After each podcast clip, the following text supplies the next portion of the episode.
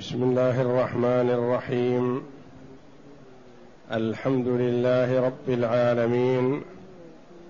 والصلاة والسلام على نبينا محمد وعلى آله وصحبه أجمعين. وبعد. بسم الله. أعوذ بالله من الشيطان الرجيم. أم اتخذوا من دونه أولياء فالله هو الولي وهو يحيي الموتى وهو على كل شيء قدير. وما اختلفتم فيه من شيء فحكمه إلى الله. ذلكم الله ربي عليه توكلت وإليه أنيب.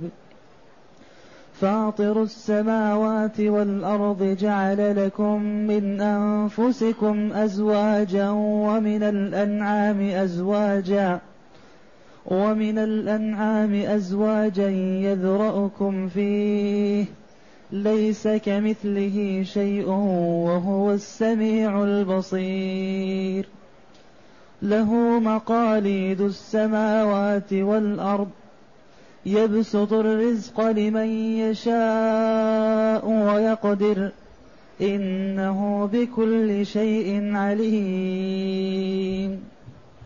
هذه الآيات الكريمة من سورة الشورى. يقول الله جل وعلا أم اتخذوا من دونه أولياء فالله هو الولي وهو يحيي الموتى وهو على كل شيء قدير.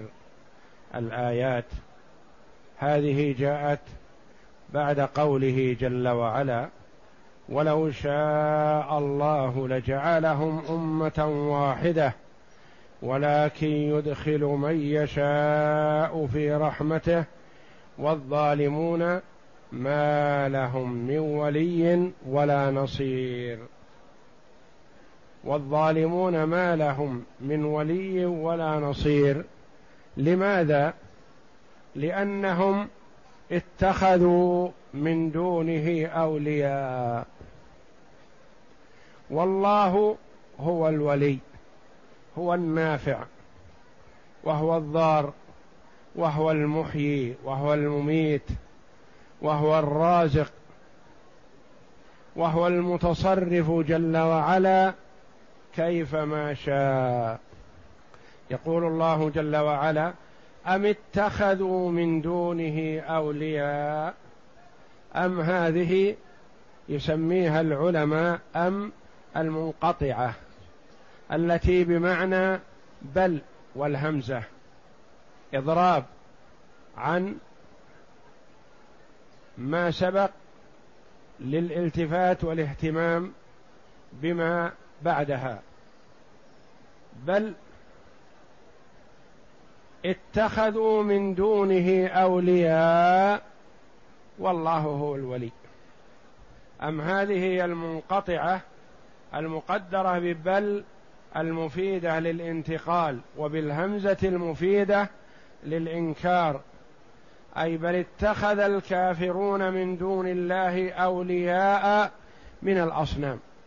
يعبدونها ويتوجهون إليها ويسألونها وعملهم هذا ضائع لأن الله هو الولي فهو الذي يستحق العبادة وحده. فالله هو الولي أي هو الحقيق بأن يتخذ وليا. وأما اتخاذ الأولياء واتخاذ الأصنام أولياء فذلك لا يغني عنهم شيئا.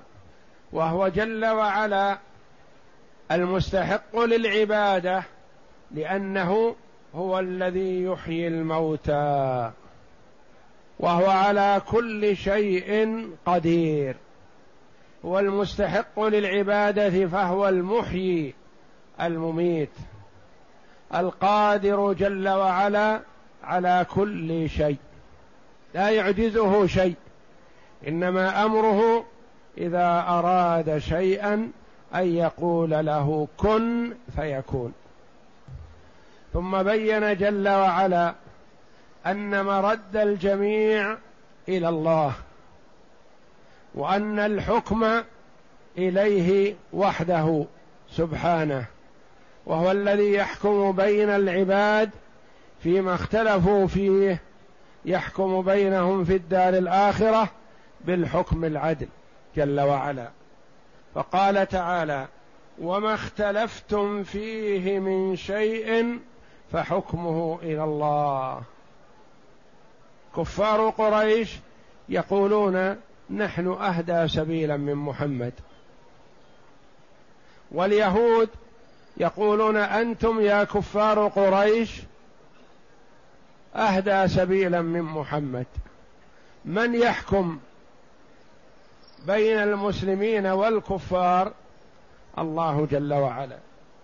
وما اختلفتم فيه من شيء فحكمه إلى الله. هل المراد الحكم في الدار الآخرة إلى الله جل وعلا؟ لأنه هو الحكم وحده. أم المراد في حال الدنيا كذلك فحكمه إلى الله أي إلى كتاب الله وسنة رسوله صلى الله عليه وسلم. ما اختلف الناس في شيء من الأم في أمر من الأمور إلا ويجب أن يرجع إلى كتاب الله وسنة رسوله صلى الله عليه وسلم. كما قال تعالى فإن تنازعتم في شيء فردوه إلى الله والرسول. إن تنازعتم في شيء واختلفتم في شيء فمن يحكم بينكم؟ الله والرسول. أين حكم الله جل وعلا؟ في كتابه العزيز. وأين حكم رسوله صلى الله عليه وسلم في سنته الثابتة المطهرة؟ ولا يرجع إلى غيرهما لأن من ابتغى الهدى وجده فيهما. ذلكم الله ربي عليه توكلت وإليه أنيب. ذلكم الذي أريد التحاكم إليه والرجوع إليه وهو مبتدأ. الله خبره. ذلكم الله. ربي خبر ثاني. عليه توكلت خبر ثالث. وإليه أنيب خبر رابع. فاطر السماوات والأرض خبر خامس. وهكذا كلها أخبار عن الله جل وعلا. ذلكم أي الذي يتحاكم إليه الله المتفرد بالألوهية الواحد الذي لا يشبهه أحد. ربي الذي رباني بالنعم. كأن الله جل وعلا يقول لمحمد صلى الله عليه وسلم قل للكفار ذلكم الذي أريد التحاكم إليه الله ربي. والرب هو الذي رب العباد بنعمه جل وعلا. عليه توكلت. يعني توكلت في جميع أموري عليه وقدم الجار والمجرور للحصر. عليه لا على غيره. توكلت أي اعتمدت عليه في جميع أموري. وإليه لا إلى غيره أنيب أرجع. أرجع إلى الله جل وعلا أفوض ما كل أمر لدي إليه وأرجع إليه جل وعلا. يقول تعالى منكرا على المشركين في اتخاذهم آلهة من دون الله ومخبرا أنه الوالي الحق الذي لا تنبغي العبادة إلا له وحده فإنه القادر على إحياء الموتى وهو على كل شيء قدير. ثم قال وما اختلفتم فيه من شيء فحكمه إلى الله. مهما اختلفتم فيه من الأمور وهذا عام في جميع الأشياء فحكمه إلى الله. أي هو الحاكم فيه بكتابه وسنة نبيه محمد صلى الله عليه وسلم كقوله فإن تنازعتم في شيء فردوه إلى الله وإلى الرسول إلى الله والرسول. ذلكم الله ربي الحاكم في كل شيء. عليه توكلت وإليه أنيب. أي أرجع في جميع في جميع أي أرجع في جميع الأمور. وقوله فاطر السماوات والأرض. الفاطر هو الخالق المبدع للشيء الموجد للشيء. يقول ابن عباس رضي الله عنهما ما عرفت كلمة فاطر حتى قال أعرابي لدي في بئر أنا فطرتها يعني أنا أوجدتها أنا خلقتها أنا أحييتها. الخالق المبدع جل وعلا للسماوات والأرض. خالق فاطر السماوات والأرض مع عظمهما والقادر على خلق السماوات والأرض الذي خلق الإنسان قادر على بعثه وإحيائه مرة أخرى. فيستدل بعظم مخلوقات الله جل وعلا على عظمته وعلى كمال قدرته. ثم ذكر جل وعلا شيئا مما امتن به على العباد. فقال جعل لكم من أنفسكم أزواجا. جعل لكم أوجد لكم من أنفسكم يعني من جنسكم على مستواكم ويتفاهمن معكم ويدركون ما تدركون فمن رحمة الله جل وعلا بالعباد أن جعل الأزواج من جنس الأزواج. ولم يجعل أزواج بني آدم من الحيوانات من البهائم. فهذه نعمة عظيمة من الله جل وعلا أنعم بها على العباد يمتن بها عليهم قائلا جعل لكم من أنفسكم ازواجا. يحصل إليها السكن والراحة والأنس ويخدم بعضهم بعضا كل بحسب ما هيئ له.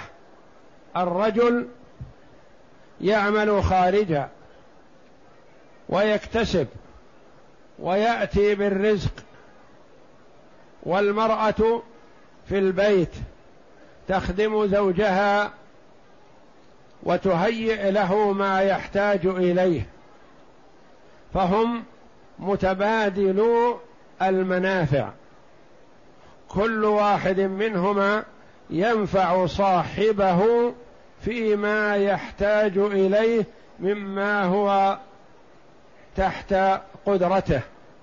جعل لكم من أنفسكم أزواجا ومن الأنعام أزواجا. ومما امتن به على العباد أن جعل الأنعام التي بين أيديهم ويستخدمونها وينتفعون بها جعل منها أزواجا. ليبقى هذا الشيء بإذن الله. يحصل التزاوج بين الذكر والأنثى فيحصل التناسل وبقاء هذا النوع من بني آدم ومن البهائم والحيوانات. ومن الأنعام ازواجا يذرأكم فيه يعني يبثكم يذرأكم يبثكم أو يكثركم أو يبقي جنسكم. والخطاب هنا للعقلاء والمراد فيما تقدم العقلاء والأنعام لكن جاء تغليبا للعقلاء. يذرأكم فيه. اقرأ. فاطر السماء فاطر السماوات والأرض. فاطر. السماوات والأرض. أي خالقهما وما بينهما. أي خالقهما. خالقهما وما بينهما جعل لكم من أنفسكم أزواجا أي من جنسكم وشكلكم منة عليكم وتفضلا جعل من جنسكم ذكرا وأنثى ومن الأنعام أزواجا وخلق لكم من الأنعام ثمانية أزواج يذرأكم فيه يخلقكم فيه أي في ذلك الخلق على هذه الصفة لا يزال يذرأكم فيه ذكورا وإناثا خلقا من بعد خلق وجيلا من بعد جيل ونسلا من بعد نسل من الناس والأنعام. وقال البغوي رحمه الله يذرأكم فيه أي في الرحم وقيل في البطن وقيل في هذا الوجه من الخلقة. قال مجاهد ونسلا بعد نسل من الناس والأنعام. وقيل في بمعنى الباء أي يذرأكم. ليس كمثله شيء. هذا تنزيه لله جل وعلا. بأنه لا يشابهه أحد جل وعلا. ليس كمثله شيء. ولم يكن له كفوا أحد. تنزيهه جل وعلا عن صفات المخلوقين لأنه الخالق جل وعلا والخالق لا يشبه المخلوق ليس كمثله شيء. قال العلماء رحمه الله ليس كمثله شيء. الكاف هنا قالوا يصح أن تكون زائدة جيء بها للتوكيد يعني ليس مثله شيء. ليس مثل الله جل وعلا شيء. وقيل كلمة مثل هي زائدة ليس كهو شيء. تعالى وتقدس. والمعنى معلوم من هذه الجملة العظيمة. تنزيه الله جل وعلا عن أن يشبهه أحد. ليس كمثله شيء وهو السميع البصير. السميع لما يتكلم به وإن خفي البصير لما يرى وإن لم يرى إلا بالمجهر ونحوه. فهو جل وعلا يرى ويسمع دبيب النملة السوداء على الصخرة الصماء في ظلمة الليل. ليس كمثله شيء وهو السميع البصير. ففي هذه الجزء في هذا الجزء من الآية العظيمة إثبات الصفات العظيمة لله جل وعلا ونفي المشابهة لله جل وعلا.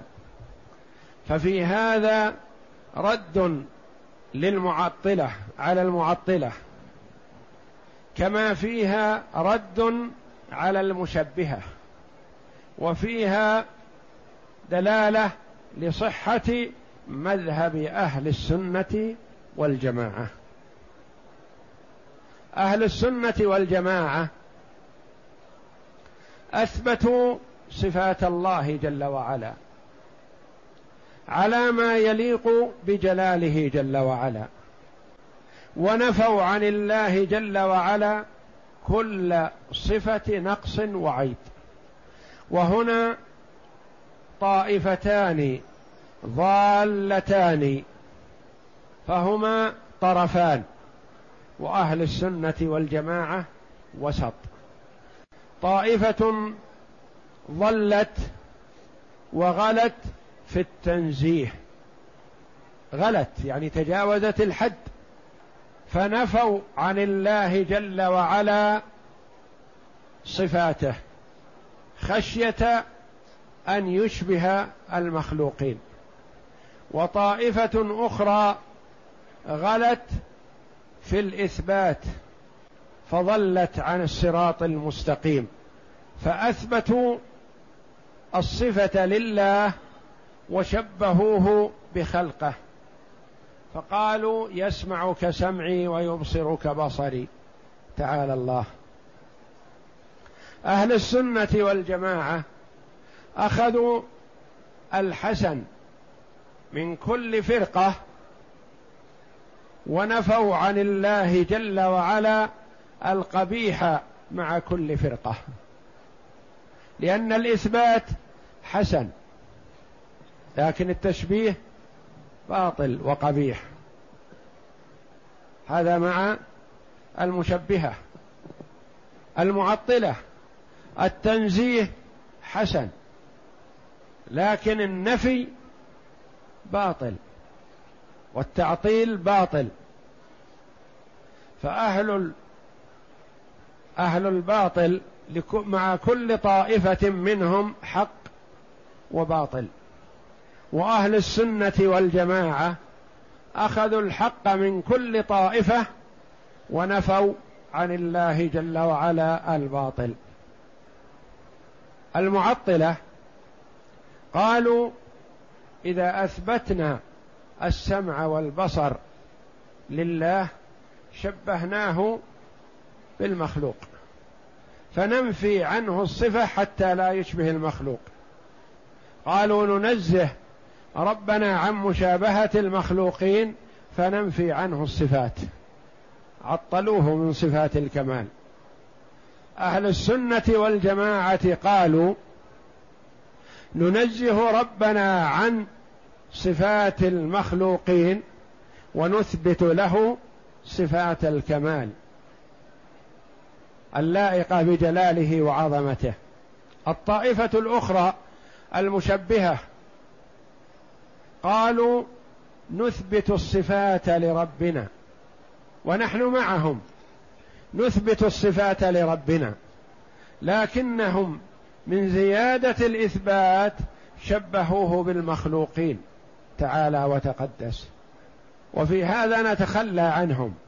ونقول نثبت الصفات لربنا على ما يليق بجلاله وعظمته. ننزه ربنا عن صفات المخلوقين ونثبت له صفات الكمال.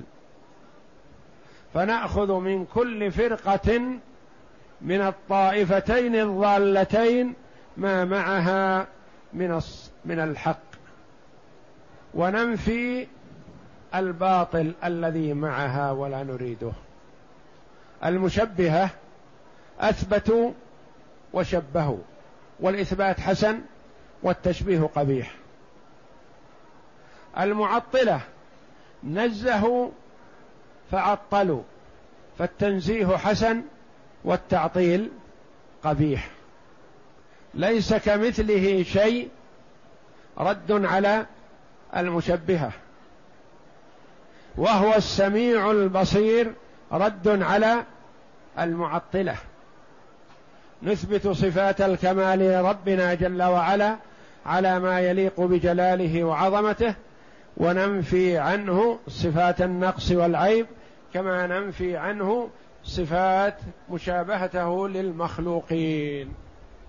ليس كمثله شيء أي ليس كخالق الأزواج كلها شيء لأنه الفرد الصمد الذي لا نظير له وهو السميع البصير وقوله له مقاليد السماوات والأرض له مقاليد السماوات والأرض.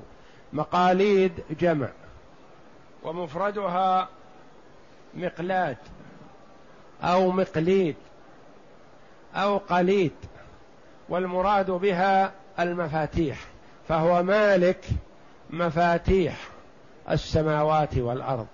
مالك خيرات السماوات والأرض. هو المتصرف في خيرات السماوات والأرض.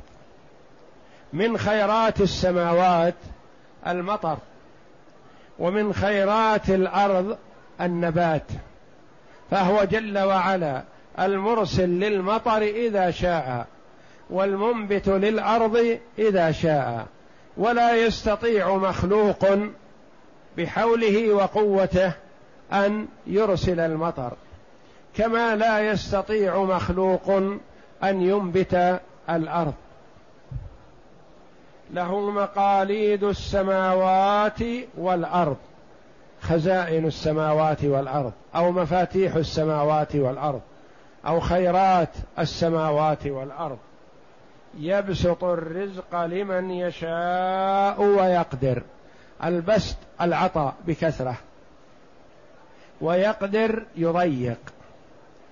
يبسط الرزق يعطي العطاء الجزيل لمن شاء من العباد لحكمة. ويضيق على من شاء جل وعلا لحكمة. والعطاء لا يدل على الرضا. كما أن التضييق لا يدل على السخط. فالعطاء لا يدل على المحبة ولا يدل على الكراهية. والتضييق لا يدل على المحبة كما لا يدل على الكراهية. فالله جل وعلا قد يبسط الرزق لمن يحبه وقد يبسط الرزق لمن يكرهه ويبغضه. والله جل وعلا يضيق ويقدر في الرزق لمن يحبه ويضيق في الرزق لمن يبغضه ويكرهه. فهو جل وعلا يعطي العطاء الجزيل لمن أحب ولمن كره.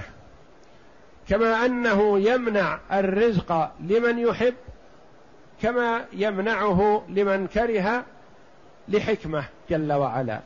فهو يختبر العباد بالعطاء والمنع.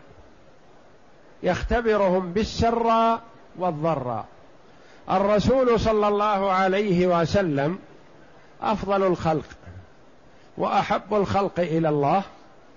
وتقول عائشة رضي الله عنها تصف حال بيوت النبي صلى الله عليه وسلم لأحد التابعين يا بني إنا لنرى الهلال ثم نرى الهلال ثم نرى الهلال.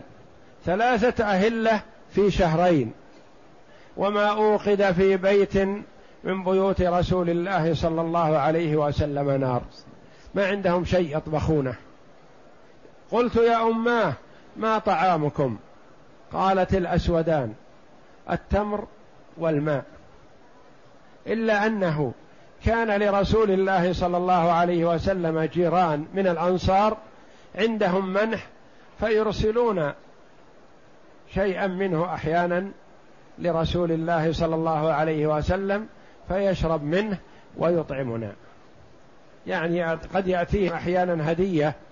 والرسول صلى الله عليه وسلم في حال الجهاد وقتال الكفار وحفر الخندق حماية للمدينة والصحابة رضي الله عنهم ربطوا على بطونهم حجر من الجوع. والرسول عليه الصلاة والسلام ربط على بطنه حجرين من شدة الجوع ما يستطيع أن يمشي حتى يربط الحجر أو الحجرين على بطنه حتى يعتمد لأن بطنه خاوي يسقط لو لم يربط الحجر على بطنه من شدة الجوع. وخرج صلى الله عليه وسلم مرة من بيته ثم التقى بأبي بكر. ثم التقى بعمر فسألهم ما الذي أخرجكم؟ قالوا يا رسول الله والله ما أخرجنا إلا الجوع. شدة الجوع ما استطاعوا أن يجلسوا في بيوتهم ما عندهم شيء يأكلونه من الجوع. فقال والذي نفسي بيده لأخرجني الذي اخرجكما يعني الجوع. ثم ذهب بهم إلى أحد الأنصار. فأضافوه فأكرمهم وفرح بهم رضي الله عنه وضيفهم وقدم لهم العذق الذي فيه التمر والبسر وذهب وذبح لهم شاة وقدم لهم فأكلوا وشبعوا فقال النبي صلى الله عليه وسلم لأبي بكر وعمر لتسألن عن هذا النعيم. شبعة يوم ساعة يقول تسألون عنها. تحتاج إلى شكر. هذا من ناحية. من الناحية الثانية ما أعطى الله جل وعلا رسوله صلى الله عليه وسلم من الخيرات والغنائم ولم يهتم بها ولم يدخرها لنفسه أعطى رجلا غنما بين جبلين. وهو يبيت عليه الصلاة والسلام الليالي الطوال من الجوع. أعطى رجلا غنما بين جبلين لا يحصيها عد. وأعطى رجلا آخر مئة من الإبل ثم استزاده فأعطاه مئة ثانية فاستزاده فأعطاه مئة ثالثة. ثلاثمائة من الإبل لرجل واحد يعطيها المصطفى صلى الله عليه وسلم. وقد ورد أن الله جل وعلا يعطي الدنيا من يحب ومن لا يحب ولا يعطي الدين والعلم إلا من أحبه. ولو كانت الدنيا تزن عند الله جناح بعوضة ما سقى كافرا منها شربة ماء. يبسط الرزق لمن يشاء ويقدر. يقدر بمعنى يضيق. كما في قوله صلى الله عليه وسلم صوموا لرؤيته وأفطروا لرؤيته فإن غم عليكم فاقدروا له. يعني ضيقوا عليه. إنه بكل شيء عليم. فهو جل وعلا يعطي لحكمة. وهذا المعطى أحيانا ينال بهذا العطاء الدرجات العلى. وأحيانا ينال بها الحضيض والعياذ بالله في نار جهنم. يعطى النعمة فيحمدها ويشكر الله جل وعلا عليها ويقوم بحقها ويواسي منها فينال بذلك الدرجات العلى. ويعطي الآخر الدنيا فيستعين بها على معصية الله ولا يؤدي حق الله منها فيخسر الدنيا والآخرة. ويحرم الدنيا جل وعلا لعبد من عب من عباده فيصبر ويحتسب ويرضى بما أعطاه الله جل وعلا وبما حرمه ويوقن بأن ما فعل الله جل وعلا له خير له فينال بذلك الدرجات العلى إنما يوفى الصابرون أجرهم بغير حساب ويحرم جل وعلا الدنيا عبدا فيتسخط ويسب ربه ويسب دينه ويسخط على ربه فينال بذلك نار جهنم والعياذ بالله الحضيض.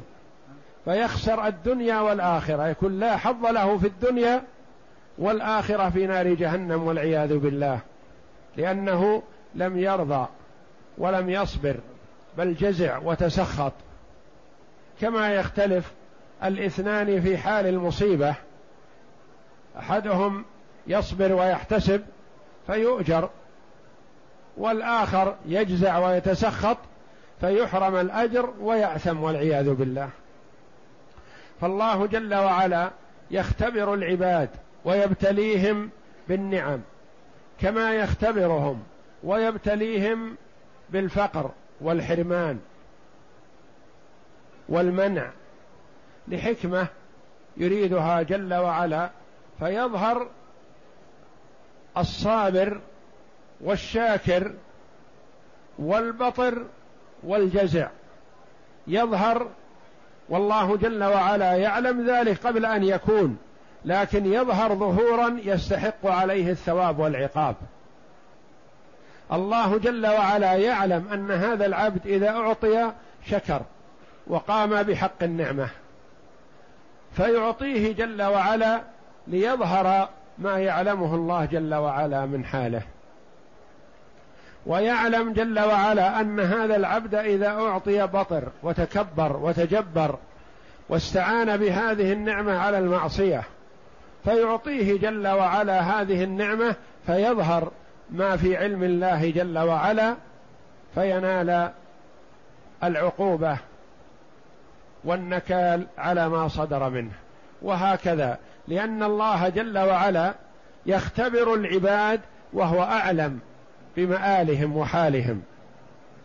لكن هذا الاختبار يستحقون عليه الثواب والعقاب. يبسط الرزق لمن يشاء ويقدر. إنه بكل شيء عليم. فهو يعطي عن علم وحكمة جل وعلا. لا يعطي هكذا بدون علم وحكمة فهو جل وعلا بكل شيء عليم. يعلم الشيء قبل أن يكون جل وعلا. ولكنه لا يعاقب العباد على ما في علمه وإنما يظهر ذلك منهم جل وعلا فيستحقون عليه العقاب والأخيار. يظهر أعمالهم الصالحة كما في علمه تعالى فيستحقون عليها الثواب الجزيل من الله جل وعلا. وفي قوله جل وعلا يبسط الرزق لمن يشاء ويقدر. إلى آخر الآيات هذه كلها أخبار جاءت. العاشر في قوله يبسط الرزق لمن يشاء ويقدر. تبدأ من قوله تعالى ذلكم الله. الله هو الخبر الأول والخبر العاشر. يبسط الرزق لمن يشاء ويقدر. والله أعلم. وصلى الله وسلم وبارك على عبده ورسول نبينا محمد وعلى آله وصحبه أجمعين.